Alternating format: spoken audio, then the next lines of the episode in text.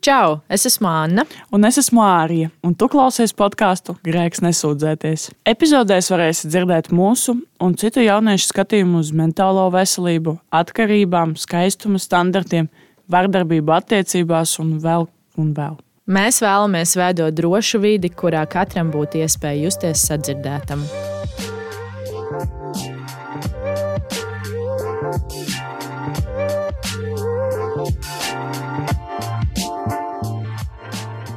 Šodien mēs runāsim par skaistuma standartiem un kā jaunieši to izjūt savā dzīvē. Pie mums ir atnākuši divi forši viesi - Madara Čau! un Vārna. Sveiki, sveiki. Par ko mēs runājām šodien? Nu, mēs tā ļoti īsi, bet te pašā laikā gari izrunājam to, kā kādi skaistuma standarti ietekmē mūsu dzīvi un pasaules dzīvi. Man liekas, galvenā doma ir tāda, ka nu, cilvēki ir dažādi un cilvēki var būt dažādi. Jo, man liekas, katram cilvēkam ir vienkārši jābūt tādam, kādam viņš grib būt. Mēs varētu sākt ar to, ka jūs nedaudz varētu pastāstīt par sevi, kas jūs esat un kāds ir jūsu gerbšanās stils. Tad es Madara, ā, strādāju skolā, par skolotāju, studēju, spēlēju tur hokeju. Brīvajā laikā ģērbjos, protams, arī sporta ārpā, jo pieredums ir pie sporta ārpus skolā strādājot. Bet uh, patīk tas ērtais komforts. Līdz ar to, jebkas, kur es jūtos ērti. Viennozīmīgi tas nebūs kleids vai svārki. Bet, nu, pirms šodien man ir zolīts biks, zolīts krekls, es jūtos labi, man ir ērti. Līdz ar to kaut kā tā. Tā varētu teikt, ka esmu vārna. Tāds dīvains vārds, zinu, bet nu, um, es zinu, man vienmēr ir grūti bijis par sevi pastāstīt, jo man īsti nav nekā tāda, piemēram, o, esmu, piemēram, es ļoti mā, labi māku spēlēt klavierus, kaut ko, kaut ko tam līdzīgu. Esmu izmēģinājis ļoti daudz lietas, esmu gājis parkurā, esmu spēlējis ģitāru un klavierus, esmu dejojis, esmu jājis ar zirgu, esmu ļoti daudz lietas, bet nu, man īstenībā, man liekas, esmu palicis pie fotografijas. Man tagad uh, varētu varbūt saukties par fotografu, man arī citi, esmu arī prasījis citiem profesionāliem fotografiem, vai es nu, varu saukties par fotografu. Viņi teica, ka jā, ka nav obligāti, piemēram, jāpelnā nauda, lai varētu saukties par fotografu. Un es tagad, nu, jā, tagad es mēģinu atrast sevi fotografijā, un uh, es arī lieku bildes, fotografēju ar profesionālu kameru. Bet, nu, Un ģērbjos, es man liekas, varētu teikt, alt stilā, bet nu, man tajā pašā laikā liekas, ka es īsti neesmu alt cilvēks, jo viņi visi paši taisa savu drēbes, vai arī pērk kaut kādas, nu, patiešām alta drēbes par kaut kādiem 300 eiro, bet nu, man nepietiek nekā tāda nav. Tāpēc vienkārši atrodu vienu drēbu no kāda viena veikala, citu no citu, un tas kaut kā salieku tā, lai būtu apmēram tas alta stils un arī. Nu, krāsoju nagus, man ir čokeris, man ir uh, melna nagulaka, man ir make-ups, krāsēji un mati. Varbūt, varbūt vairs nav. Varbūt viņi visi jau izmazgājusies, bet, nu, nu jā, varētu būt kā viss. Varbūt nedaudz varētu pastāstīt vairāk par to alta stiliņu, kāds viņš ir. Viņu īstenībā grūti aprakstīt, jo man liekas, alt saistās no alternatīvas. Tur nav nekādas noteiktas definīcijas. Man liekas, kā kuram cilvēkam, kā, kā kurš savādāk saprot. Piemēram, es domāju, ka, piemēram, emo stils iekļi, ir iekļauts tajā alternatīvajā stilā, bet daži cilvēki saka, ka tie ir divi dažādi. Ja? Tāpēc, bet pārsvarā tur ir ļoti tumšas melnas drēbes, čaukeri, daudz aksesuāri, melnināgi, melns make-ups, bet arī ir alt stili, kur tu viss saģērbies pasteļkrāsās. un Tad nu, tur ir grūti saprast, kas vispār notiek, bet pārsvarā nu, ļoti viegli atšķirt, vai cilvēks ir alt vai nav. Viņš, uh, Droši vien tur ir ļoti daudz visādi aksesuāri, visā daudz uh, ķēdes, make-ups, parasti tāds vairāk uz emo stila make-ups. Nu, nu, tā kā alt stils ir vairāk, man liekas, domāts, nu, kā var teikt, sievietēm, jo tur tik šausmīgi daudz vairāk apģērba ir tieši priekš nu, tāda dzimuma nekā priekš vīriešiem. Un vienkārši atrast, ko, ja, piemēram, kāds vīrietis gribētu ģērbties alts stilā, nu, tas nu, būtu grūti kaut ko atrast. Jo pra- praktiski viss taisīts ar uh, sievietēm, kaut kādām saplāsām zeķu biksēm un uh, like, uh, minisvārkiem vispārējo. Man īsti vienalga, vai apģērbs sieviešu vai nav. Es vienkārši lauku, kas man patīk, kas man liekas, ie- nu, pievilcīgs, bet nu, varbūt cilvēkam, vīrietim, kurš grib, nu, negrib velkāt, piemēram, kādu kleitu, varbūt nu, viņam būtu ļoti grūti atrast kaut ko. Kas arī nemaksātu kaut kādus 1000 eiro no kaut kāda dizainera. Varbūt jūs varat teikt, pastāstīt, kā jūs sevi paši uztverat, kas jūs esat. Man liekas, to ir ļoti grūti komentēt. Es nezinu. Nu, es cenšos dzīvot salīdzinoši brīvi, ignorēt, ja kaut kāds kaut ko aizrāda pirms skolā. Skolotājs ķepties tā tāds puisis. Un? un, tā kā, un jums ir īsi mati. Un meitenēm arī var būt īsi mati. Līdz ar to Es pieņemsim arī pat ne pakaļ kaut kādiem trendiem. Ja pēkšņi kaut kāda dziesma uzsprāgs, tas viņu neklausīšos. Man, nu, visi paklausīties, es pēc kāda pusgada arī ieslēgšu viņu, varbūt paklausīties. Līdz ar to es cenšos atrast kaut kādu savējo, kas uh, nelīdzinātos citam, jo es gribu būt tādā veidā, varbūt īpašu. Nezinu. Man nepatīk tur uz votiem sakot visiem tiem trendiņiem un, un stiliņiem. Vai tu arī kaut kādā veidā stāsti saviem uh, skolas bērniem par to visu? Nu, ja viņi ir ieinteresēti? Nu, vairāk tie ir mazie bērni, tur sākuma skola, kuriem ir tas standarts, kuru viņi redz tieši. Tur meitenēm jābūt gariem matiem, jāvelk tur, nezinu, kleitas. Un, uh, viņam tas pats, kas, ko teikt, kāpēc jūs nākat tur tādā smokingā? Es nezinu, man ir ērti. Es nejūtos brīvi tur kleitā. Man nepatīk. Viņa teica, ah, nu, ok. Es saku, jums arī patiktu vilkt tur kaut kādu milzīgu kažogu karstā vasaras dienā. Nē, kāpēc? Nu, man ir pārbūt pārāk silti. Līdz ar to nu, man arī būtu pārāk nērti, pieņemsim tur kādos svārkos. Un tad viņiem kaut kādā veidā viņi saprot arī to, ka var arī būt citādāk. Nu, vispār man ar to jautājumu vienmēr ir ļoti grūti. Es arī pat, es arī pat tagad ļoti mēģinu saprast, um, kas es esmu. Es īsti nezinu. Es, zinu. es varu pateikt to, ka es vienmēr daru to, kas man patīk un kas man liekas pievilcīgs. Nozīmē, ja kādam kaut kas nepatīk, man, man ir pilnīgi vienalga, vai viņam tas patīk vai nepatīk. Es, nu, piemēram, man ir diezgan daudz piercings, krāsoju nagus. Es, es, kā esmu vīrietis, ja, bet nu, man, man pilnīgi vienalga, kāda tur ir standarta, vai vīriešiem jābūt uh, melniem nagiem vai nevajag. Man arī vienalga, piemēram, man visa ģimene arī pilnīgi pret to, un katru reizi, kad ieraugu kaut ko pasaka pret, es īsti tam nu, nepavēršu uzmanību. Bet nu, tā kopumā pateikt. Uh, Es nezinu, kas es esmu. Es vienkārši eksistēju. Esmu vārna. Kas ietekmēja to, kā jūs tagad izskatāties? Kā jūsu stils sāka veidoties? Grūti komentēt. Es zinu, ka jau kad es biju maziņa, man nezinu, tur viena vecmāma vilka uz operām, un man lika vilkt tās kleitas, jo tas ir pieklājīgi vilkt uz operu kleitus. Es negribēju iet dēļ tā, ka vajadzēja atkal iet uz operu, un to, ka vajadzēja vilkt kleitu. Es to nevarēju ciest. Līdz ar to laika gaitā, es nezinu, sākumā bija tikai drēbes, ko man nezinu, vecāki pirka vai tur Roma vienalga. Tad jau, kad parādījās tā sava nauda, varēja, o, man šis patīk, šos uzmērīšu, o, tas tajā labi izties. Un es viņu uzvilku, es viņu nopērku, un es viņu turpinu vilkt. Kaut ko cits komentē, o, tas ir tavs stiliņš. Okay, es pameklēju kaut ko līdzīgu.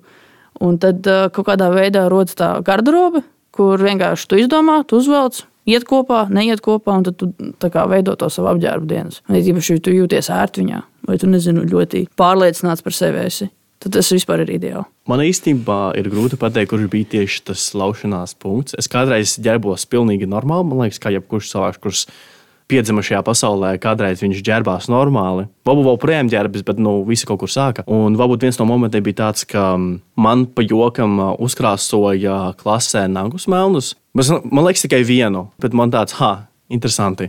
Bet man vispār bija šausmīgi bail tā staigāt pa skolu melnēm, mēs mēģinājām mak maksimāli viņus slēpt. Varbūt arī bija tas fakts, ka man dzīvē parādījās cilvēks, uh, kurš bija kopā, kurš uh, sauc, nu, kā bija emo. Un uh, man arī tas kaut kā kādu, kaut ko man deva Nu, kad es uh, sāku lēnām iet uz to, nu, kā var teikt, nenormālo, nenormālo pusi, un es vienkārši sāku, nu, sāku pa vienām nagām krāsot, tad es katrai rokai divus nagus krāsoju, tad es sāku visu, krā, visus nagus krāsot, un tad man arī sāku vairāk skatīties uz cilvēkiem ar tādu pašu stilu. Man vienkārši sapratu, ka man tik šausmīgi patīk, kā cilvēki izskatās tajā stilā. Tad es vienkārši mēģināju nu, maksimāli uz to pārvērsties, un tur man parādījās piercingi un jā, visas speciāls apģērbs. Un, um, visādi aksesuāri, un es no sākuma vispār nemācīju likt nekādu make-upu. Un es kaut kā tā lēnām iemācījos. Un pēdējā gadu, pēdējo gadu laikā es pavisam labi iemācījos viņu likt. Jo es nezinu, ja es, es katru dienu viņu lieku. Tāpēc es, nu, jā, man grūti pateikt, kāds, kāds tas sākuma punkts. Es redzu, ka tev ir tev uz deguna tāda strīpiņa, vai tas ir tetovējums, vai tas ir uzzīmēts? Tas ir uzzīmēts. Ah, viens smieklīgs stāsts. Es vienreiz biju pie psihologa, lai man iedotu uh, šo diagnozi. Ja? Un viņš uh, nu, apraksta, kā tu izskaties apģērbu un vispār. Nu, man liekas, tas ir ļoti svarīgi. Piemēram, ja cilvēks atnāk tādā šausmīgi saplāsā apģērbā, netīrā, tad ko uzreiz saka par cilvēku. Ja? Un es nezinu, kāpēc, bet man, manā failē ir rakstīts, ka man ir tetovējums sejas, bet man nebija. Man vienkārši bija make-up. Man, man tagad visu mūžu ir uzrakstīts, ka man ir daudz tetovējumu sejas. Es, man liekas, tas, tas diezgan smieklīgi sanāk. Viņi tā kā tev nejautāja neko par to, vienkārši ierakstīja. Nē, neko nejautāja. Vienkārši uzrakstīja, ka man ir tetovējums sejas. Tāpēc, nu, nu jā. Labi, tu pieminēji nagu krāsošanu. Mēs varētu nedaudz parunāt par stereotipiem. Varbūt, un, uh, jautājums būtu tāds, kādi ir tavi uzskati par skaistuma standartiem un kādi stereotipi piemīt tiem? Uh, nu, skaistuma standarti ir ļoti daudz. Katrā kultūrā viņi ļoti atšķirās. Man pašai nepatīk ļoti daudz skaistuma standarti, kas arī ir piemēram filmās, tiek iekļauts. Tas pats Disney ļoti pāršāva par strīpu šajā jautājumā. Uh, protams, pasaule uzskata, ka tev ir jābūt nezinu, slaidam, slaidē ar sešpaku, vai tu nezini, pušiem tur sešpakas, tur uzkačāts tur rokas, viss, viss. Bet tas jau nenoraksturo cilvēku. Ļoti bieži tā, ka tas cilvēks var būt nenormāli skaists pēc tiem standartiem, bet viņš ir ļoti pretīgs iekšēji. Viņš var būt lielākais, nezinu, tur kretīns, tur izturēties slikti pret citiem cilvēkiem un tam līdzīgi darīt pāri, bet tie pašā laikā viņš ir skaists. Viņš tiek tādā veidā apbrīnots cilvēku acīs. Tāpēc man liekas, tas svarīgi, kaut vai, nezinu, tu esi skaists, neskaists, tev ir jādabūt tas iekšējais skaistums, jāatrod. Tas ir pats svarīgākais. Ja tev nav tā, tad tur ārēji nebūs skaists. Jo cilvēki ļoti bieži pamana to, to iekšējo skaistumu. Ja tu pieņemsim neatbilst tiem standartiem, bet tu esi iekšēji skaists, uzreiz tu vairāk iepatīcies citu cilvēku acīs, kas padara tevu ārējo skaistumu lielāku viņu acīs. Um, bet, nu, protams, atšķirās no kultūras. Un, uh, tas ir tā tāds liels punkts, ka tas iekšējais skaistums jādabū. Es piekrītu Madarai, ka skaistums ir pilnīgi visur. Bet uh, cik ļoti viņi ir uzspiesti, man liekas, ļoti atkarīgs no, to, no tā, kur dzīvo, piemēram, Nīderlandē vai Vācijā. Viņi nav tik šausmīgi uzspiesti kā, piemēram, šeit Latvijā. Jo šeit uh, Es neatceros, kur tieši es redzēju to statistiku, bet uh, Latvija ir pašā, pašā apakšā, tur pie visiem, uh, kur uh, skatās uz to homofobiju un visu pārējo. Viņi pašā apakšā. Tāpēc nu, ir lielākā daļa ir pilnīgi pret to. Tāpēc šeit ir ļoti, ļoti uzspiest, ka vīriešiem būtu tādiem, tādiem, nedrīkst būt melniem nagiem, jābūt piemēram īsiem matiem, jābūt uz. Uh, Uh, uzskačātam ar sešpaku, viņam jābūt tādām, tādām drēbēm, tādās, tādās krāsās, bet nu, Un um, cilvēki, kuri spēj, man liekas, iziet no tiem standartiem un pretoties cilvēkiem, man liekas, ir uh, diezgan forši. Jo, nu, jābūt diezgan liekas, stipram cilvēkam, lai, piemēram, Latvijā varētu ģērbties ne pēc standartiem. Bet vispār runājot par to, kā vajag ģērbties, man liekas, tas ir atkarīgs no tā, kā cilvēks grib ģērbties. Man liekas, tur vienalga, ko tas cilvēks grib vai negrib. Vēl viena lieta ir, kā viņš tika uzaugusi. Ja cilvēks viņam ir iesaistīts galvā, ka nedrīkst, piemēram, velkt kleitu, ir diezgan grūti tam cilvēkam iedomāties, ah, nu, īstenībā velkt kleitu nav tik šausmīgi. Bet, nu, tur ir jāskatās, kā arī cilvēks uzaudzinājis. Tāpēc nu, vispār tāda tā tēma ir diezgan sarežģīta. Man liekas, tur jāskatās uz vietu, kur tu dzīvo un uz apkārtējo vidi. Jo man liekas, tas viss ļoti, ļoti to visu ietekmē. Es neteiktu, ka mans stils ir ļoti meitenīgs. Uh, vairāk drīzāk tāds tā kā skaterboja stils. Un, uh, bet man vecāki, nu, nu, viņi man audzināja kā normālu cilvēku, kā normālu meiteni. Un tad vienkārši es pati kaut kā sāku ar laiku meklēt to savu un uh, sapratu, ka es biežāk ērtāk arī tā, kā tu Madara teici, ka vienkārši tu ērtāk jūties tādās drēbēs. Un, kad, nu, labi, citreiz tur es uzvelku žaketi un tā kā, nu, bišķi uzcērtos, bet, nu, bieži vien es vienkārši kā pamostos, tā, tā es eju un es arī jūtos ērti. Un, un man arī citi cilvēki saka, ka tas, tas ir tas, kas tev piestāv. Un es parasti saku, ka es iztos pēc bezpajumtnieka, bet, bet nu, es varbūt arī ar to lepojos. Īstenībā interesanti ir tas, ka no bērnības man vienmēr mamma lika vilkt kleitas, un viņa man taisīja kaut kādas ļoti meitenīgas, meitenīgu frizūru. Man liekas, ka ļoti, ļoti ietekmēja manu stilu ir tas, ka es no pašas bērnības nodarbojos ar sportu. Un es vienmēr biju apkārt uh, sportistiem, kas vienmēr tādās ikdienišķās drēbēs, tur vienkārši kaut kādas sporta bikses, kaut kādas, uh, hūdijas jā, man liekas, ka tas ļoti arī apkārtēji ietekmē to, kā tu gerbies. Jā, nu, tad, kad es sāku iet vairāk uz sporta zāli, tad jau arī man tas stils mainījās. Tu vienkārši nu, tu jūties ērtāk tajās drēbēs, un arī tur nav miljonus reižu jāpārģērbjās uz vienu, un otru un trešo, bet tu vienkārši skrien un, un dari savas lietas. Un, uh, tas noteikti tavs dzīvesveids un tavs intereses noteikti ļoti ietekmē to, kā tu izskaties un ko tu izvēlēsies vilkt. Bet tas arī nav vienmēr. Nezinu, man arī ir draudzenes, kas nodarbojas ar sportu un ritīgi un iet uz hokeju, bet viņas staigā kleitās, jo viņām ir ērti. Tas ir arī tas ir viņas, viņas ērtums. Viņa tur sapucējās uz, uz kaut uz treniņu. Viņai, viņai tā patīk. Es tikmēr atnāku treniņš, kas kaut kādā netīrā džemperī, tāpēc, ka es tikko no gultas izlīdu. Jā, man liekas, tas ļoti atkarīgs arī no cilvēka, nu, no personības. Varbūt Ir kaut kas sakāms. Jā, jā, es piemēram atceros, ka man reāli bija tā, ka es vienu dienu ģērbos pilnīgi normāli, un otrajā dienā es pilnīgi atnācu tā pilnīgi altu skolu. Jā, un viens, nu, viens man nekad nav redzējis tādu apģērbā, jau man uzreiz skolotājai pie manis piegāja tāds, um, ar tevi viss labi, ja tev vajag kādu parunāt, es, es varu parunāt ar tevi. Man tāds, ah, ok, nē, nē, nē, man ir viss labi. Tāpēc, nu, man liekas, man arī tas diezgan smieklīgi likās, ka man tāds no, no 0 līdz 100 es vienkārši uzreiz tā pārgāju skolā, un šī tā reakcija cilvēkiem bija diezgan smieklīga. Es kā skolotāja to skolotāju saprotu. Nu, jā, jā, tas ir saprotami, jo īpaši, piemēram, alti cilvēki, varbūt ne visiem, bet nu, lielākā daļa ir kaut kādas, piemēram, problēmas dzīvē. Ja, un, jo, nu, nu, es nerunāju par nu, pa visiem cilvēkiem, vienkārši pa, apmēram kā. Parasti es arī pats redzu, ja, ka cilvēki, piemēram, daudziem tetovējumiem, piercingiem un kaustiem matiem parasti kaut kādas, nezinu, problēmas. Ja. Tāpēc man liekas, arī stils arī ietekmējas un tā, kas tev dzīvē notiek, ja, un kā tu tiek audzināts. Bet arī cilvēki, kuriem viss ir perfekti dzīve, viss ļoti labi, ļoti priecīgi, bet arī tās piercingas. Man liekas, tas ļoti atkarīgs no cilvēka. Bet man liekas, nu, ir kaut kāds trends par to, ka, nezinu, sūdīga bērnība vai kaut kas tamlīdzīgs. Un tad uzreiz nu, vairāk pārējiem ar tetovējumu, piercingiem un krustiem matiem vispār. Tāpēc nu, nu, ir saprotami, kāpēc tā jautā. Jā, es esmu īstenībā dzirdējis tādu faktu, jo cilvēkam ir vairāk tetovējumu, jo viņš emocionāli ir uh, Nestabilāks. nestabilāks jā. Es nezinu, ko jūs domājat. Tieši to? sirsniņā. Man, man jau arī. Nu, man ir diezgan daudz salīdzinošu priekš. uh, Man ir, ja nemaldos, deviņi tetovējumi. Uh, bet es neteiktu, ka uh, man bija tā trakākā bērnība, viņa nebija spožākā. Bet es, es jūtos labi. Es tetovējos, tāpēc, ka man patīk. Nevis tāpēc, ka man patīk sāpes, bet vienkārši tas, ka es varu savā veidā sevi izpušķot. Nezinu, tas arī rada to pārliecību par sevi. Es, iz- nu, man, es jūtos labāk. Es jūtos labāk. Tas arī ir kaut kāda veida stils. Tur jau tā lieta. Vienmēr papildina, tetovējumi vienmēr papildina outfitiņu.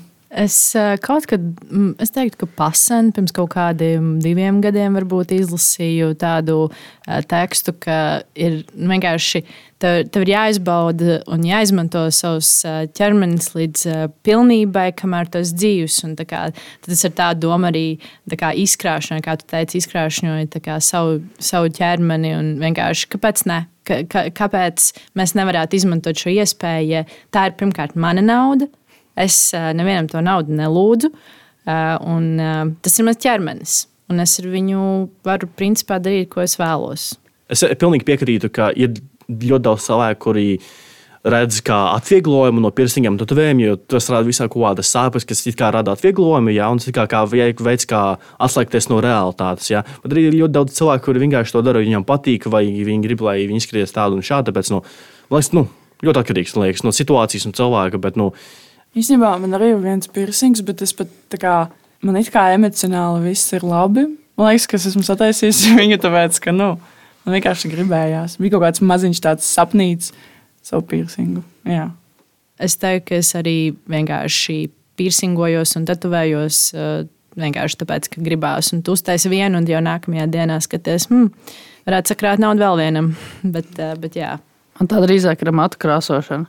Baigi garlaicīgi paliek. Jau jāiziet uz veikalu pēc matu krāsas, jānobalina. Vienalga sarkans, vienalga zils, kaut ko, ko sagribās. Un, un kā piemēram, ja tu šādi darbojies, kā tev kolēģi tevi uztver, vai bērni pat. Nu, sākot ar to, ka tad, kad es pieteicos tajā skolā, nu, kas uzzvanīja, tur sveiki, es varētu atnākt uz interviju, tur bla, bla, bla. Es saku, man ir rītīgi īsi es biju tikko nodzinusi viņus uz kodiem, tur 11 mm. Viņi tādi, un? Tā kā, un? Es saku, nē, nu, es vienkārši brīdinu. Tas standarts ir, ka nu, skolotājai jābūt skolotājai. Viņai nevar būt īsi mati. Es neesmu redzējis nevienu citu skolotāju ar īsiem matiem vai tetovējumiem daudz. Es atnācu, man bija bijis jau atauguši, viņi man pieņēma darbā, viss ideāli. Un tad es prasīju, vai tikai es varu rādīt tos tetovējumus. Tad sākumā es tur viņus slēpu. Tad jau skolēni sāk viņus pamanīt. Tad jau nu, tagad viņi zina visus manus tetovējumus. Viņi redzējuši pilnībā visus, gan kas ir uz kājām, uz rokām, tas pats arī uz kakla. Un viņiem ir tāds, ugh, stilīgi. Un es viņiem pat prasu padomu par to, ko man tetovēt tālāk. Es viņiem, piemēram, arī saviem skolēniem nesen prasīju, ka- ko man darīt ar saviem matiem. Es gribu kaut ko jaunu, es viņus matu audzēju, man ir garlaicīgi, es gribu kaut ko jaunu. Tad viņi man ieteica, ko šādu frizūru varētu kaut ko pamēģināt. Vai arī šādā krāsā, nē, jums labāk piestāvēt tur sudraba vai blondi. Bet jūs rītīgi labi izskatāties ar blondiem matiem, jo man tajā brīdī bija naturāli. Līdz ar to ir diezgan jautri.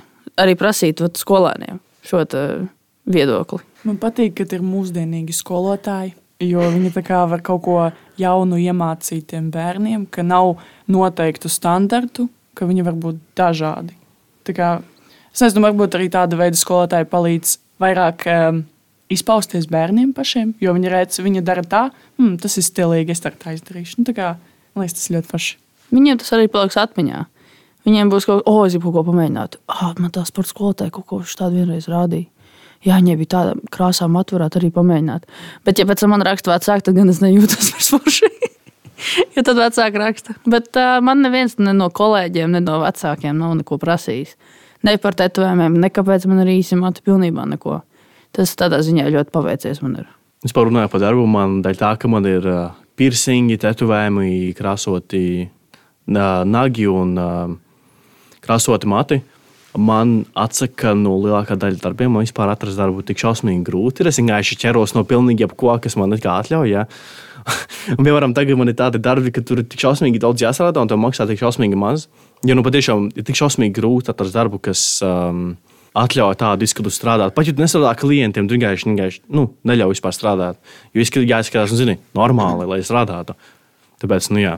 Īsnībā, kad es stājos darbā, kafīnā, man arī teica, ka nedrīkst piercingus uz sejas, bet nu, es sataisīju, man neko nepateica. Bet, bet arī bija tāds uh, lūgums no darba devējiem, ka, ka nevajag. Bet, nu. Ja tur McDonald's tur tāds darba piedāvājums. Ņemsim visu, nāciet, nā, nā, nā, nākiet, jebkurš. Un tad es atnāku tāds, ah, nu, nevar tetovējumi, bez piercingiem, bez krāsotiem matiem. Jāņem viss ārā, es tāds, ah, ok. Un vispār, nu jā, tas nāk, tā kā ja gribi normālu darbu, tu vai nu atsakies no sava stila, lai te pelnītu naudu, lai varētu izdzīvot, vai nu tu paliec pie sava stila bez naudas un bez darba. Un tāda, nu, nu jau tur sanāk Latvijā diezgan. Tas jau arī vienīgais, tikai tajās darba stundās ir. Tas vēl nav tas trakākais. Pieņemsim, es vienbrīd strādāju Eirolevā, kas ir online kazino, kur kārtas dala. Man vēl tajā brīdī nebija tetovējumi, bet uh, viņi ritīši to skatās, tieši tos tetovējumus, jo tas arī drošības princips ir. Vat kādam, kād pie tava galdiņa, kādam tur aizies beigie mīnusi, viņš izdomās tevi atrast. Tas tāpat kā armijā neļauj tetovējumiem. Vairāk. Nu, tagad jau to mazāk skatās, bet agrāk, kā tev bija tetovējums, to neņēma armijā. Jo tev arī vieglāk atrast tādā veidā. Nu, man, es arī biju strādājis uh, Live Casino. Nu, man pavaicās, tur, ka tur uh, atļāva gan krāsot smadzenes, gan pirsīgas, gan atvējumus. Ja. Uh, varbūt jūs varat pastāstīt, ko nu, tu jau it kā vāni pieskāries tam jautājumam. Uh, bet uh, nu, varbūt jūs vienkārši varat padalīties, kā, ko tad, uh, jūsu tuvākie cilvēki, ģimene saka par šo visu. Ka jūs pēdiņās neietilpstat skaistuma standartos nu, es kā tā vispār daudzos standartos neietilpstu. Un uh, to jau, man liekas, viņi saprata ļoti sen, jo es biju maziņa. Jo uh, tā, kad es gribēju, man, es arī tik daudz klausījos ar Jānu, kas bija mazāk, 12, 14 varbūt, gadi. Es gribēju sev izkūt sānu. Un Oma tāda, nu, nē, nē, nē. es saku, vai, vai, vai, vai. Tad, nu, labi, ejam. Turpat pie mājas bija uh, frizētava, kur tā kā mācās tie frizieri. Un uh, man nodzira arī tik forši, viss bija kārtībā ieliku bildi draugiem.lv. Un uh, māma iekomentē, ne, viņa zvanīja. Tur tu izties pēc narkomānas. Man tāds, ok, chill. Un es tā kā tajā brīdī nekontaktējos vispār ar māmu. Viņa, nu, tā kā es viņu nedzīvoju nekad. Man bija tāds, bet man patīk, un visai ģimenei arī patika. Viss bija kārtībā. Klasbērnē patika, visai gāja tur taustīja kaira ar īsiem matiem. Tas bija tāds me moments dzīvē. Bet uh, tagad, pieņemsim, krustmātu vienu.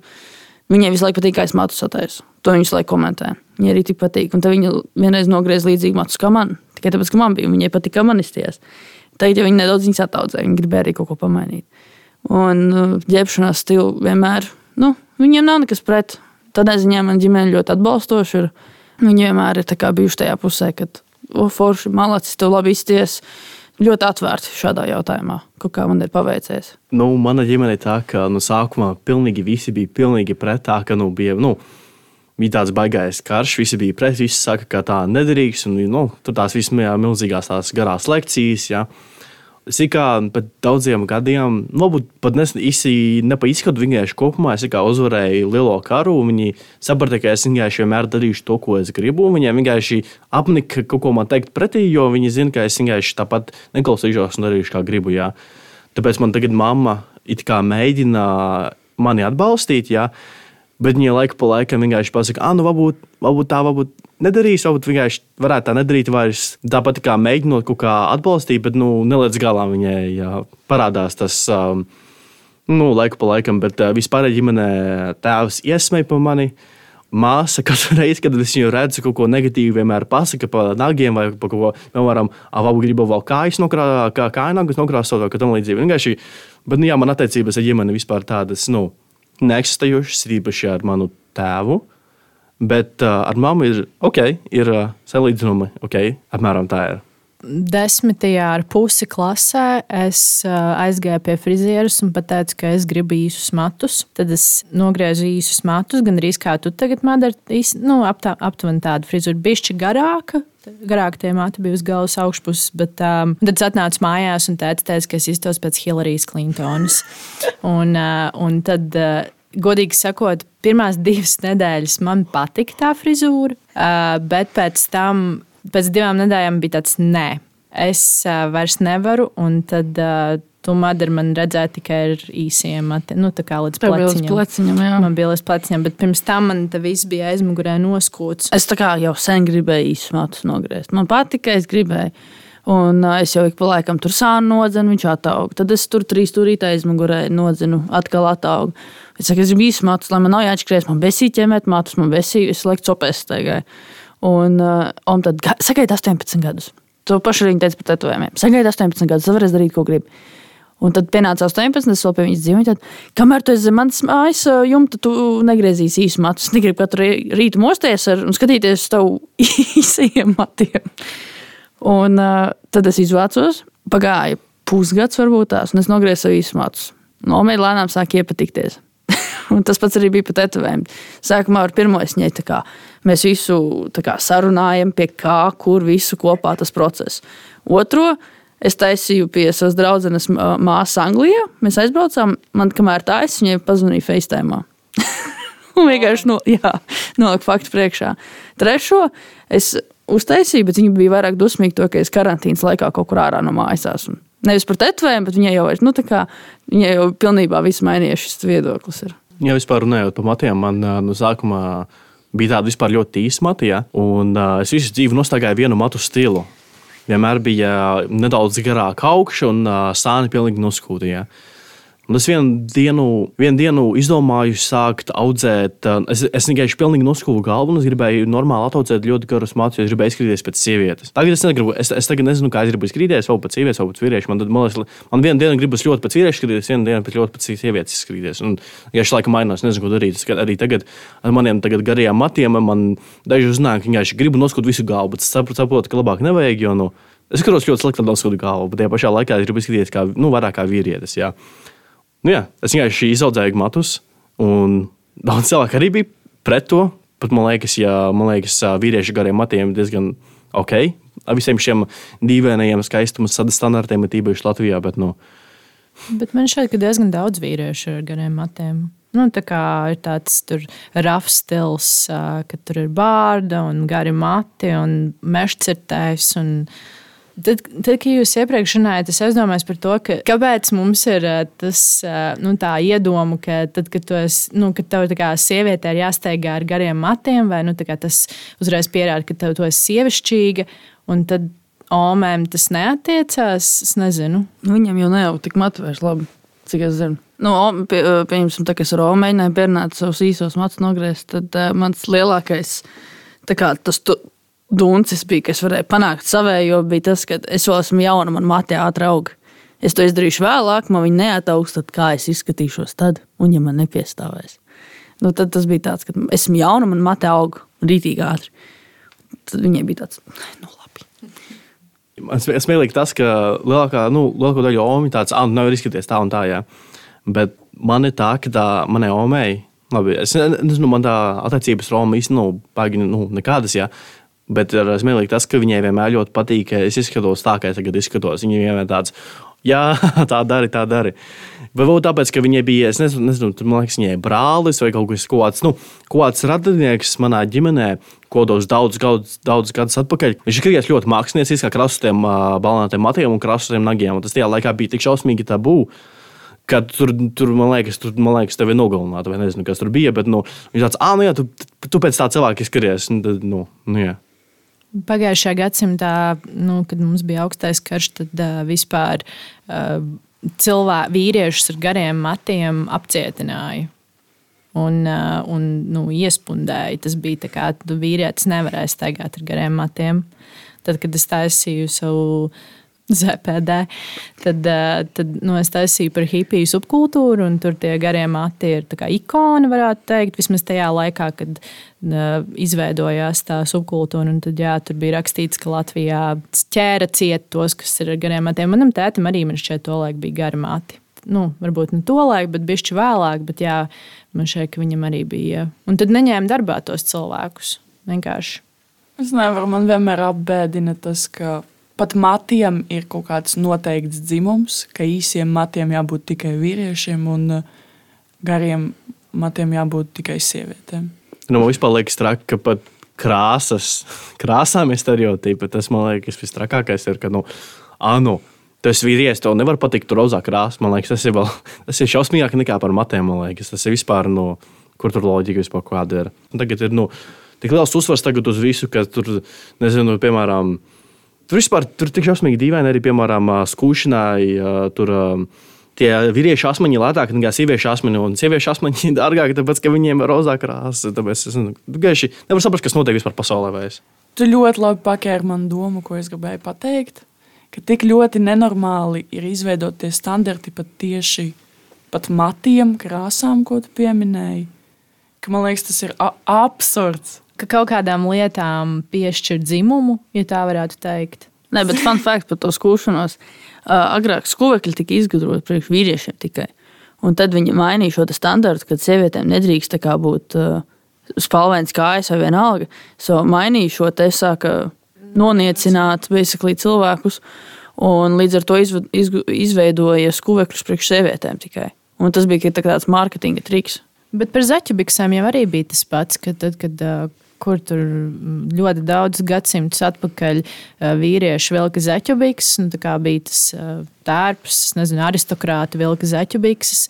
Un uh, tad vienkārši man šķiet, ka tas bija pēc pirmā vai pirmā pasaules kara laikā, kad uh, sievietēm sāka ražot zaķubīgus. Es neatceros, kāds bija tam iemesls, bet, uh, bet jā, es kaut kur to lasīju. Nebija arī kaut kādā kultu, skotu kultūrā tās, tās es nezinu, kādas tradicionālie, tradicionālie tie svārki. Vai tas nesau... ir skotiem, jā, tas... ir tie svārki. Bet viņ, viņam kaut kāds specifisks nosaukums bija. Tie nebija svārki, bet līdzīgi svārkiem. Jā, jā. Tas arī ļoti interesanti, ka, ka vienai kultūrai viņi drīkst uh, gert tos svārkus, bet citiem, kad tu izēji vīrietis iziet Latvijā svārkos, man liekas, ka viņi, nu, nezinu, cik tas bēdīgi neskanētu, viņi reāli varētu piekaut. Viņi piekāja vīrieši pat krasādām nagiem Latvijā. Bet, tāpēc, nu, Tādā ziņā vīriešiem tas ir daudz grūtāk. Jo, ja es, piemēram, apģērbjos šādi, es paiet garām, man neviens tā kā neliekas, nezina par mani. Bet, ja uzreiz točs vīrietis uzvilks tur svārkus vai kleitu un paies tev garām, visi pagriezīsies, kāds kaut ko vēl pateiks, un nedodies, tu būsi nepareizajā rajonā. Bet tas jau arī ir ar make-up. Ja tu redzēji džeku ar make-up, tad nu, man pirmā doma ir tāda, o, oh, forši, ritīgi nais. Bet uh, cilvēki uzreiz to pamana, un tad viņiem uzreiz ir asociācijas uh, tur vai nu ar kaut kādu konkrētu subkultūru vai kaut kādu konkrētu orientāciju. Un, Un tad nu, tā ļoti tādas lielas uh, robežas tiek uzliktas, manuprāt. Nu, vispār, kad es, piemēram, sāku krāsot nagus, jau pilnīgi neko citu vienkārši krāsot nagu, man bija tik šausmīgi būt bail ārā. Un es tik mājās šausmīgi slēpu savus nagus, tā lai nu, neviens no, neko neieraudzītu. Ja, ja tā ārā make-up vispār bija kaut kas neiedomājams, ja, bet, piemēram, tagad man, man panīgi nospļauties, ko cilvēki domāja, man, es pilnīgi par to vispār nedomāju. Un dažreiz man ir bail, ka esmu kaut kādiem piedzīvojušies vīriešiem, klāt, es vienkārši, man ir taktika vienkārši skatīties kaut kur citur, ne acīs, un kā apiet kā apkārt. Un, uh, man kā tas nostrādāja vienmēr, bet nu, nu jā, tur ģērbties kaut kā īpatnēji Latvijā nav jautri. Ja mēs pieskārāmies, nu, es pieskāros nedaudz orientācijai, tad uh, Es nezinu, kā jūsu izskats saistās ar orientāciju. Jo, nu, nevienmēr nu, vīrišķīgi ģērbta sieviete ir lesbiete, un, un tur uh, džeks, kurš ir uzkrāsojies, ir gejs. Un, nu, kā, kā, kā jūsuprāt, tas, uh, tas viss sasaistās tieši jūsu dzīvē? Man ir tā, ka lielākā daļa cilvēku domā, ka esmu gejs, bet es neesmu. Esmu like, biseksuāls vai panseksuāls. Man liekas, tas ir viens pats, man liekas, biseksuāls un panseksuāls ir viens pats. Bet man vienmēr grūti saprast, jo, nu, piemēram, man ir emocionāla um, saistība ar sievietēm, bet ne ar vīriešiem. Jā. Man ir seksuālā saistība ar vīriešiem un sievietēm, tāpēc man ir grūti saprast, kas vispār notiek. Vispār tāda tā tēma arī ļoti sarežģīta un liekas. Grūti pateikt kaut ko. Nu, jā, man, man, man, man visi patīk, izņemot nu, emocionāli vīrieši. Es nevaru iemīlēties parastā vīrietī. Bet, vis, bet vis, kas vispārējais, es varu, tāpēc es vienkārši nezinu, kas notiek. Ko, ko, ko, kaut kas dīvains. Man ir grūti komentēt šajā tēmā, jo esmu skolotāja. Es negribu, lai visi bērni uzzina par mani. Varbūt tāpēc atstāsim nelielu tādu intrigu dzīvē cilvēkiem. Bet uh, ne arī visas meitenes vai sievietes, kuras ģērbjas, nezinu, uzvalkos vai ar īsiem matiem, ne visas viņas ir nezinu, daļa no LGBT. Protams, rodas tas. Uh, spriedums, to, ka ore, kur viņai ir īsumā, viņai viņai kaut kas cits patīk. Bet tā nevienmēr ir. Un to ir svarīgi arī atcerēties. Cilvēks mūsdienās ir arī vien grūtāk un grūtāk nolasīt šajā jautājumā. Nu, jā, es, piemēram, pazīstu ļoti daudz altu cilvēku, kuri ir pilnīgi, es nezinu, kā latviešu pateikt, straight. Heteroseksuāli. Jā, viņi, es pazīstu ļoti daudz alternatīvā stila cilvēkus, kuri ir heteroseksuāli. Viņi, nu, nu, jā, tāpēc, nu, man liekas, stils, ne, nu, stils īsti nenosaka tavu seksualitāti. Vispār, tur, kā kuram cilvēkam, man liekas, ir daži ģērbjas pilnīgi sievišķīgi, daži ģērbjas pēc, nezinu, pēc kāda vīriešu standarta, citi ģērbjas kaut kā savādāk. Tur, man liekas, nu, kā kuram cilvēkam, kā vienmēr saku. Tad jūs uzskatāt, ka seksualitāte nav nekādā saistībā saistīta ar ģērbšanās stilu? Kā kura reize? Kā kuram, jā. jā. Ne visur tas ir arī. Uh, nu, tas pats arī ar sporta veidiem. Ne jau visi sporta veidi nosaka, kas tu esi pēc seksualitātes. Piemēram, protams, daudz kurš sieviešu hokejs tur pilns ar lesbietēm. Ir. Nu, nav tā. Mūsu komandā ir tikai dažas. Nu, jau ir aizvien mazāk un mazāk. Vienkārši tas sporta veids piesaistās pie cilvēka un viss. Tur tāpat kā būtu futbola, kas meitenes spēlē. Arī ir stereotips, tur ir ļoti daudz lesbietes. Nu, nav, nav nemaz viņas tik daudz. Un ļoti interesanti arī, ka tu ieraugi to cilvēku, viņam ir īsi mati, un viņš ģērbjas tā kā puiciski. Es atzīšos, ka man pašai uh, nu, kā, nu, tas, ka es apzināti to sasaistu, bet tev uzreiz bezmazliet ir iekodēts iekšā, ka tu uzreiz kaut kā to sasaisti. Un tad tu sev pieķer pie tās domas, ka hei, nojaucam šitos visus. Uh, visas tās robežas. Bet jā, arī cilvēks eh, spēlē sporta veidu, eh, ģērbjas eh, nu, kā, nezinu, puiciskāk, un tad uzreiz tas priekšstats, ka viņam ir tāda kaut kāda nu, tā orientācija. Ne heteroseksuāla orientācija. Un vispār, man liekas, runājot par apģērbu, tur arī tās, tie, tās normas, pludmales volejbolam, ko dos, nezinu, vēl tenisam, tur tās sieviešu apģērbi tik šausmīgi kaut kā seksualizēt to sievieti vai kaut kā tamlīdzīga. Tas volejbolam tas bija. Es neatceros, kuras kur, ko kādam sportam bija patiešām šausmīgi traki, jā, un tur viņai šī vispār ir aizliegta, ko nu, normāli vilkt. Jā, un tas man liekas, arī diezgan traki. Liekas, ir. tur bija vesels skandāls. Tas arī bija handbolā. Meitenēm ir jāvelk īsie šortiņi, vai tāda volejbola šortiņa. Ir. Un tā komanda negribēja. Viņi reāli atteicās, un viņi vilka savējos, ko viņi gribēja, kā savu formu. Un viņiem piesprieda naudas sodu. Un kaut kas pat eh, no slavenībām pat atmaksāja to naudas sodu tikai tāpēc, ka viņas uzdrīkstējās pamainīt šo stilu sta standārtu, lai tikai seksualizētu sievietes. Tur arī bija pierādīts, ka viņi gribēja to seksualizēt, tos sievietes. Nu, nē, bet viņas vienkārši negribēja vilkt apspīlētas bikses. Nu, šortiņus reāli, kas ir īsi.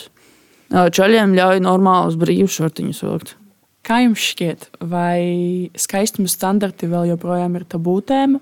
Nē, jau vairāk par to runā. Ja tīpaši arī visu to LGBTQ, uh, visu šo te ir palicis nedaudz brīvāks. Arī gan pasaulē, gan arī Latvijā. Mums ir kā nekā geja prezidents. Bet tas uh, paliek populārāk mainīt šo stilu, šos standartus. Biežāk var redzēt mazus bērnus ar īsiem matiem, jo vecāki atļauj. Biežāk var redzēt tos pašus tetovējumus vai, vai piercingus nu, jaunākiem cilvēkiem, jo vecākiem maina, mainās šis doma gājiens par dzīvi. Līdz ar to viņi atļauj saviem bērniem izpausties tādā veidā. To var novērot arī tieši ģimenēs, kur vecāki ir satatuvējušies. Un, nu, kā, vismaz manā pieredzē tā ir bijis, ka tie vecāki ir mazliet vairāk atvērtāki. Man liekas, tā arī jāskarās baigi uz vietu. Tā, piemēram, Latvijā vairs tā nav tā tā būtu tēma. Vācijā tā nu, jau, man liekas, jau kādu jau laiku jau nav tā būtu tēma. Bet, piemēram, ja paskatās piemēram, uz Afganistānu vai kādām citām valstīm, reāli jāskarās uz to vietu, kur tas viss notiek. Daudzās valstīs vairs nav tā būtu tēma, bet runājot par Latviju, tur tev vairs baigi nav tā, tā, nu, tāda tā būtu tēma, varētu teikt. Viņa vairs nav ierobežota kā tēma, vienkārši tas cilvēku tas domu gājiens vēl ir palicis. Jo es ar draugiem esmu runājis, ka tā paudze, kas augs no mūsu vecuma bērniem, tā būs normāla. Jo mēs piemēram redzam, kādi tagad ir bērni. Viņi ir nu, izlaisti, telefonu, bla. Mēs piemēram to saprotam, ka tā nevajadzētu darīt. Un līdz ar to tā nākamā paudze, kas nāks no tur, cilvēkiem, kam tagad ir 20, tad tie būs salīdzinoši, man liekas, normālāki bērni, ja viņi būs uzauguši citādākā vidē. Ja mēs jau esam ar tādu open mindset, Nu jā, vairāk atvērtāk skatāmies to visu, jo mēs esam pieredzējuši gan to laiku, kad nebija telefoni, vai bija tikai podziņa telefoni. Uh, un mēs arī esam pieredzējuši, tagad pieredzam laiku, kad ir viss, viss ko tu redz, ir pieejams, jebkādā formā un veidā. Uh, un tad mēs kā kaut kā varam salīdzināt, kā bija iepriekš un kā ir tagad, un tad izdarīt kaut kādus secinājumus, uh, arī kā, veidojot tālāk savu ģimeni, manuprāt. Tāpēc varbūt arī tas tā, tāda doma ir Man liekas, varētu arī parunāt par tādiem negatīvākajiem aspektiem par šo, nu, vispār kopumā par šo lielo tēmu. Ka, piemēram, visādos seriālos un filmās tik šausmīgi ļoti mēģina, lai būtu tas, nezinu, kā būtu latviešu diversity. Dažādība. Dažādība, kad viņi vienkārši jābūt vienam azietim, vienam gejam, vienam lesbietim, vienam, melna, vienam melnādēm cilvēkam. Vienkārši viņi tik šausmīgi fokusējas uz to, ka tur pats stāsts kļūst par ļoti sliktu stāstu. Viņi vairāk fokusējas, lai būtu, piemēram, viens galvenais varonis gejs, nekā reāli būtu labs stāsts. Un, ko cilvēki tagad darīs, lai nu, nu, tā ataptos? Jo, nu, tur, man liekas, tik šausmīgi viss tagad ļoti pārspīlē. Tāpēc arī es atminēšos to, ko es teicu par Disneju. Kā agrāk, pieņemsim, visās vecajās tipu filmās, nu, multinēs, ir tās princeses, viņas visas ir slaidas, viņas visas ir skaistas. Izņemot, varbūt ar Fionu, bet viņi tikai pa nakti pārvēršas par, par cilvēku ēdāju. Tad, kad viņi tur pirmajā daļā, tur dienas laikā pārvēršas par to cilvēku ēdāju, visiem tāds - ak, Dievs, un ak, vai! Un visi šausminās. Un tagad, pieņemsim, es nekad nesapratīšu to prikulu, kur tā Little Mermaid, kas ir mazā nārniņa, ir melna pēkšņi pārtaisīta. Pārāk pārveido šo visu. Nu, kāpēc nārniņai, kas ir no skotu tā, tā, tā virziena pēkšņi ir melna. Nu, to es nesaprotu. Vai arī, ka tur uh, Sniegbaltīte pēkšņi bija meksikāņu, man liekas, pārstāvēta aktrise, kuru beigās atlaida. Visādi, nu, šitādi, visādas lietas tiek mainītas, kuras tehniski nemaz nevajadzētu mainīt. Ir daudz, man liekas, arī daudzas fil daudz filmas un seriālu, kur reāli uz slikto pusi aiziet. Tādā, ka tur mēģina uh, ievies kaut kādu dažādību, vai like, stipras sievietes, vai ko citu. Un tur vienkārši pats stāsts vienkārši tik šausmīgi pasliktinās, ka viņi, nu, man liekas, viņi fokusējas ne uz to. Viņi it kā mēģina kaut ko labu pastāstīt, kaut ko par labu parādīt, un parādīt, ka, piemēram, tas ir ok, bet viņi, nu, pār, nu, viņi pārcenšas, man liekas. Manuprāt, viņi vienkārši, nu, es nezinu, vai tas ir pārspīlēts vai nav, bet man liekas, ka viņi vienkārši cenšas varbūt iekļaut vairākas kultūras Varbūt. Ko jūs par to domājat? Bet viņi cenšas tās vairākas kultūras iekļaut tur, kur nevajag. Nu, tas ir tas, ko es pati nesaprotu. No tā melnā nārniņa. Nu, viņai nav jābūt melnai. Viņa ir no tās nu, no skotu tās visas daļas. Līdz ar to, kāpēc viņa ir melna. Nu, jā, tas, tur jau ir tā lieta, ka. Nu, taisi jaunu filmu un ie, ievies, nu, iekļaut tur visu, ko tu vēlēsies iekļaut, bet pārrakstīt uh, senus, uh, simtu gadu vecus stāstus. Uh, nu, tur tā ļoti uzmanīgi ar to ir jāpie, jāpietās, manuprāt. Īstenībā es esmu redzējusi TikTok, es to redzēju TikTokā. Jā. Uh, viena meitene skatījās to multfilmu par nāriņu, un kad viņa redzēja, ka tā nāriņa ir melnādaina, Viņa tā kā mamma tā kā viņu filmē, un tā meitnīte rāda uz pirkstu to nāriņu un saka, ka viņa ir tāda kā es. Un viņa tā kā, nu, es nezinu, man ļoti bija mīlīgi no tā momenta tieši, ka kaut kādā veidā iepriecināja to bērnu, ka tā nāriņa ir tāda kā viņa. Bet ir Disneyam arī tā multene, princese vārda vai vārda princese vai kaut kas tamlīdzīgs. Princess and the Frog? Jā, jā, jā, princese, princese un vārda. Lūk. Un tur jau tā galvenā varone ir Melnādaina. Tā vieta, kur viņi strādāja, tas restorāns, tur jau arī man šeit bija spā, spāņu izcelsmes cilvēki un tādi. Un, lūk, te ir vieta, ko nu, viņi normāli var attēlot, viss kārtībā. Bet jā, tur ar, to, ar tām kaut kādām, nezinu, Tas ir ļoti slidens jautājums, kā vispār tagad kino cilvēkiem apieties ar šo dažādību, kas mūsdienās ir un ka, nu, nu kā, kā, iekļaut cilvēkus, visus cilvēkus, lai nevienu neaizvainot. Un tā, un tas tāds ļoti, ļoti slidens temats. Tāpēc arī ļoti daudz kas tiek ietekmēts. Latvijas sakot, tiek atcelti cilvēki. Uh, Tikai tā, ka, ja tu kaut ko neiekļauj, tas ir slikti, bet, ja tu iekļauj par daudz, tas arī ir slikti. Vairs tādā ziņā arī šī sabiedrība, kas ir mūsdienās, iet uz vispār nepareizu pusi. Tādā ziņā tu izdari kaut ko labu, kas tavuprāt ir, un tu tiec atcelts. Tā kā bez iemesla. Un tā ir ļoti daudziem, arī, kas tiktu kā filmē. Viņi ļoti daudz tiek apcelti tikai tāpēc, ka uh, it kā viņš izdarīja pareizi, bet uh, tu neiekļāvot vienu šo cilvēku tipu, Un līdz ar to tu esi slikts tagad. Vārnē, tā kā tavs vārds, tu to identificē kā vārdu vai kā pseidonīmu? Nu, man ļoti nepatīk mans vārds un uzvārds.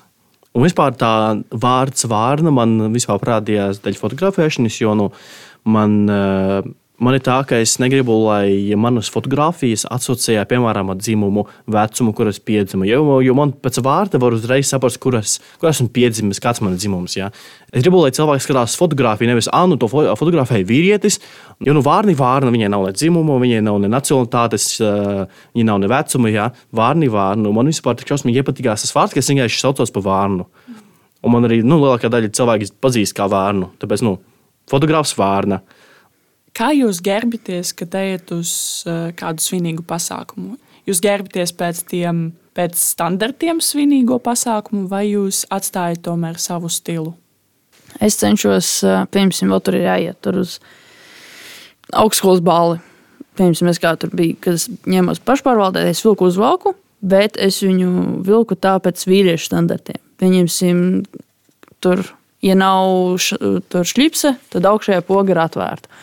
Ja, pieņemsim, tev ir uzvalks, tad tev ir jābūt kā obligāti krākluma piksēs. Nu, visādām šādām lietām. Un atkarīgs arī, vai tev ir pulkstenis, tad kuru pogu tiek aizvērt un tādām lietām. Ja, pieņemsim, es izvēl, izvēlos to uzvalku vilkt, es vēlos viņu vilkt pareizi. Lai arī tas arī izstos labi, un tad nav kaut kādi pārmetumi, kad es nemāku ģērbties. Un es cenšos šādas lietas arī ievērot ikdienā. Nu, ja man ir uzvalks, tad man ir melna zeķis.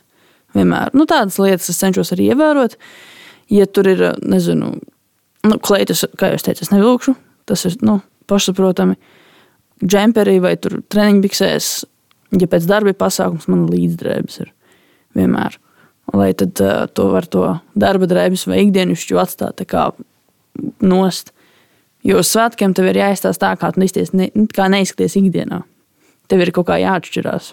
Svinīgi, teiksim tā. Jā. Bet tik un tā tu atstāji to elementu, savu identitāti. Jā. jā. Man ir tā, ka es kā uz pusēm, jo um, es kā uzvelku, piemēram, uzvelku, bet es atstāju, piemēram, nedaudz make-upa. Nu, ne pārāk daudz, bet atstāju make-upu un atstāju, piemēram, melnos nagus, jā, ar maniem daudziem uh, gredzeniem un vispārējo. Čokru varbūt es nevelku, jo, nu, vispār ar tiem svinīgiem pasākumiem ir tā, ka. Um, baigi ļoti, vēl ir ļoti tabū atnāk pilnīgi, piemēram, alternatīva apģērbā uz vienīgu pasākumu. Tas man liekas, nu, tas ir ļoti, ļoti tabū. Piemēram, nu, labi, Latvijā. Ja. Bet, nu, ja man būtu kaut kāds svinīgs alternatīvs aģērbs, varbūt es viņu vilktu, bet, nu, skatoties to, ka man nekā tāda nav, es viņai šī uzvalku, piemēram, uzvalku, bet atstāju nedaudz make-up ar melniem nogiem un gradzeniem. Jā. Latvijā es baigi ļoti alternatīvas kaut kādu svinīgu, svarīgu pasākumu. Es neņēmu to, man liekas, es, nu, man, man izmestu ārā. Man liekas, vai nu es eju, vai nu es neeju, ja es gribu ģērbties, jo man reāli izmetīs ārā. Nu, jo tā Latvijā, man liekas, ir. Tev ir tāda pieredze bijusi? Es nedomāju, ka man ir bijusi tāda pieredze. Bet, nu, ja kaut kāds svarīgs, nu, es, es nedrīkstu vienkārši, es to ļoti labi zinu, bet nu, es kaut kā mēģinu tāpat atstāt sev to elementu ar to nelielo make-up un uh, nagiem. Ja. Bet nu, tā pilnīgi saģērbties alternatīvas, uh, es, es nedomāju, ka es varētu. Tāpēc nu, es vai nu nēju, vai nu es nāku kaut kādu kompromisu. No vienas puses, man liekas, ka tomēr ir jābūt kaut kādai etiketei, uh, svinīgo pasākumu, ja mēs runājam par svinīgajiem pasākumiem, jābūt etiketei, bet no otras puses, vienmēr, kad man uh, bija kāds pasākums, kāda ballīte, kāds svinīgs pasā pasākums, jā. es nezinu, man vienmēr bija tāds uzskats, ka vienmēr jāatstāj sava identitāte tajā. Kaut kā arī varbūt jāmaina tas, tā etikete, varbūt es nezinu, un uh, nākt uz pasākumiem, kā tu jūties. Kāds jums ir viedoklis par šo? Atkarīgs arī no pasākuma. Izlaidumā es nevilku melnu uzvalku, es vilku rozā, tādu biškustīmu. Man bija rozā bikses, rozā žaketīte un vienkārši balts krekls. Un tādējādi es tā saglabāju to meitnīgo, ja man tā ir rozā virsū.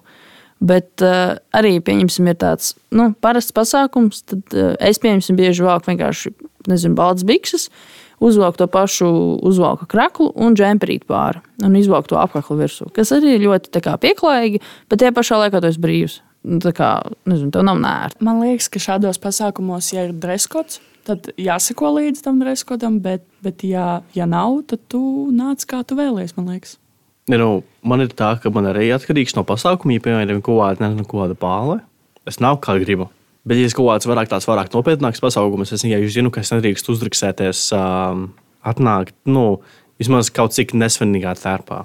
Nu, es parasti izvēlos Nu, man ļoti patīk bikšu kostīmi. Man, ļoti, man šķiet, ka e, tie ļoti labi izskatās gan sievietēm, gan vīriešiem. Un vispār e, man ārkārtīgi patīk, kad vīrieši kā, viņiem ir nu, uzvalks, bet viņiem nav balta krākla, bet viņiem apakšā ir tikai nu, kā, nu, kā kaila miesa. Bet, uh, nu, gan jau, ka viņam ir kaut kāds apakšsēkliņš, bet kā, izskatās, ka viņam ir kaila miesa, un tad viņi, kā, viņi izskatās svinīgi, bet tajā pašā laikā viņi saglabā kaut kādu savu, vai tur, nezinu, ķēdes uzkarina kaklā, vai ieliek auskaru kaut kādu, vai man ļoti arī šķiet forši, ka bišķi no uh, 1920. gadiem, 30. kad ar žēlēju visus tos matus uh, atglauž uz aizmuguri, gan sievietes, gan vīrieši, neatkarīgi no dzimuma un orientācijas, bet vienkārši, ka mati ir uh, kā, pielīmēti pie galvas, es nezinu. Uh, bet nu, arī tas, es tikko sapratu, ka arī sievietēm ļoti labi izskatās, ka ir, nu, ir kā uzvalks, bet apakšā nav krakls, bet ir kā nu, kaila miesa. Nu, jā, tieši tāpat kā mēs visi jau teicām, tas ir atkarīgs no pasākuma un cik nopietni tam ir jāgatavojas. Vienkārši velku to, kas eh, man šķiet visērtākais, un, un atbilstošākais un pieklājīgākais. Un, jā. varbūt, varbūt jums ir kaut kas, ko, ar ko jūs vēlaties padalīties. Lai visa pasaule, labi, Latvija drīzāk dzird kaut kādi pārdzīvojumi, ko jums šķiet ir ļoti svarīgi uzsvērt šajā jautājumā? Man liekas, tas, ka ļoti bieži vat, cilvēki tiek iedalīti. Tajās arī, nu, kad kaut vai viņš vēlās būt brīvs, viņam tas nav atļauts tikai tā, ka, piemēram, jo es esmu skolotāji, es tiek īstenībā diezgan ļoti ierobežota. Agrāk, jā, pirms es sāku strādāt skolā, man ļoti patika tur filmēt TikTokus. Man patika Instagramā kaut ko tur ņemties man bija viss atvērts. Nu, tā, tā publiskā dzīve.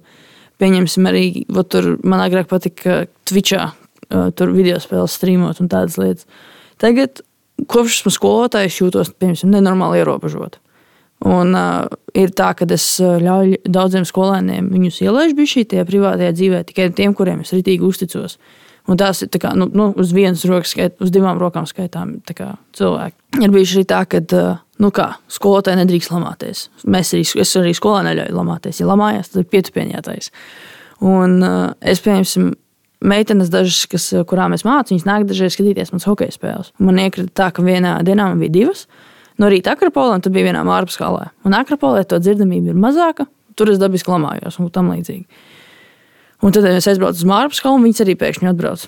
Un tur var dzirdēt visas spēles. Un tajā Mārpas spēlē man bija spēle ar nu, puišiem, kur ir pilnībā cita gaisotne. Un, un, un es, tā, es tur lamājos, lamājos. Tāds, jā, viens man tā skolēns sēž virs galvas tieši, un viņi visu dzird. Un tad mēs arī sanācām, arī kopā braucām uz, uz māju pusi. Un, tāds, un tad mēs reāli viņiem paprasījām, kā tas ir redzēt skolotāju no citas puses. Un tā kā pavadīt būtībā visu dienu ar skolotāju. Tā kā sestdienā vienkāršā. Un viņiem bija tāds, ka nu, tas ir bijis dīvaini. Bet tas arī viņiem ļauj saprast, ka skolotāji arī ir, ir cilvēki. Es viņiem saku, redzat, skolotāji arī ir sava dzīve, viņi ir savi draugi un tam līdzīgi. Un viņi, viņi to lēnām arī šādā veidā sāk saprast. Piemēram, vienīgais, kuru skolēniem es ļauju sekot, ir bīrils.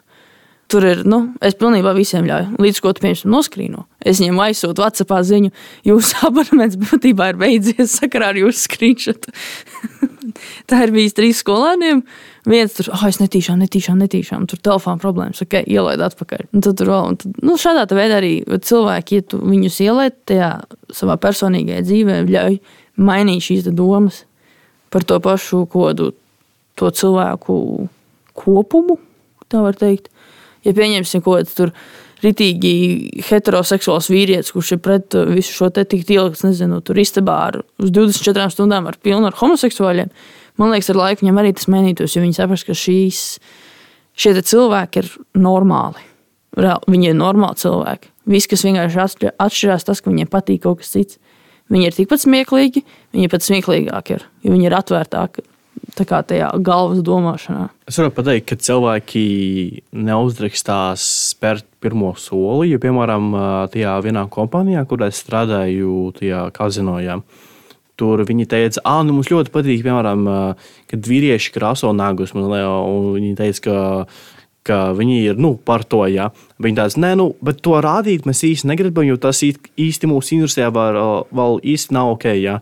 Un tad Tie cilvēki gaida, kamēr kaut kas sāksies. Viņi negrib spērt to pirmo soli, bet tad neviens nespēr to pirmo soli. Visi gaida, kamēr tas kāds cits sāks to, to visu to vilni, kāds cits spērs to pirmo soli. Bet, nu, ja neviens nespērs, tad nu, nekas arī nenotiks. Liek, es domāju, ka cilvēki vienkārši. Nu, Ja viņiem kaut kas patīk, ja viņiem kaut kas uh, viņiem, viņiem ir jāuzdrīkst, tas varbūt arī būtu arī tiem pirmajiem, kad arī, arī taisa tās pārmaiņas, un varbūt arī lietas arī tad mainīsies.